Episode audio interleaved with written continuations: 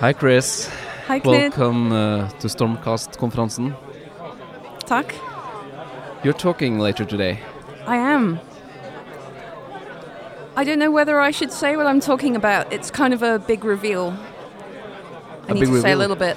Well, well, this is the Stormkast podcast, and no one here is going to listen to this. Outstanding. Well, not um, not before afterwards, I guess. So you can actually I can talk about it. you can All talk right. about it. Spoiler warning. All right. Spoiler warning. I'm going to talk about risk. I'm going to talk about how risk isn't maybe what people think it is, and how actually by trying to avert risk, you can create more risk. And there are lots of ways in which it's possible to reduce risk.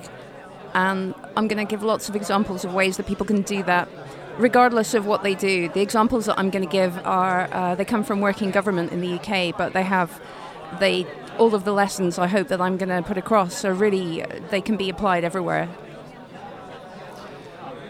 And what is the one thing you want people to leave with after your talk? I have three. You are you are allowed to have three. I guess the the the central point is that they have to collect evidence. They have to have data. They have to be able to point to a thing and say, "We made this decision based on evidence and based on data, and it's not an opinion. This is we did this for good reasons, not because we thought it was a great idea."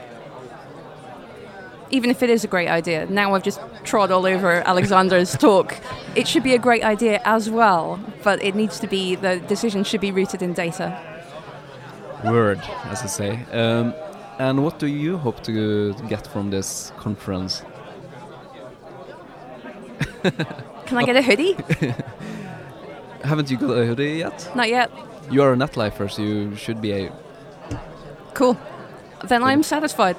No, I want to hear. I want to hear clever people talk about uh, interesting things that I haven't thought about before. We've already had one of those, so uh, I'm looking forward to hearing the rest.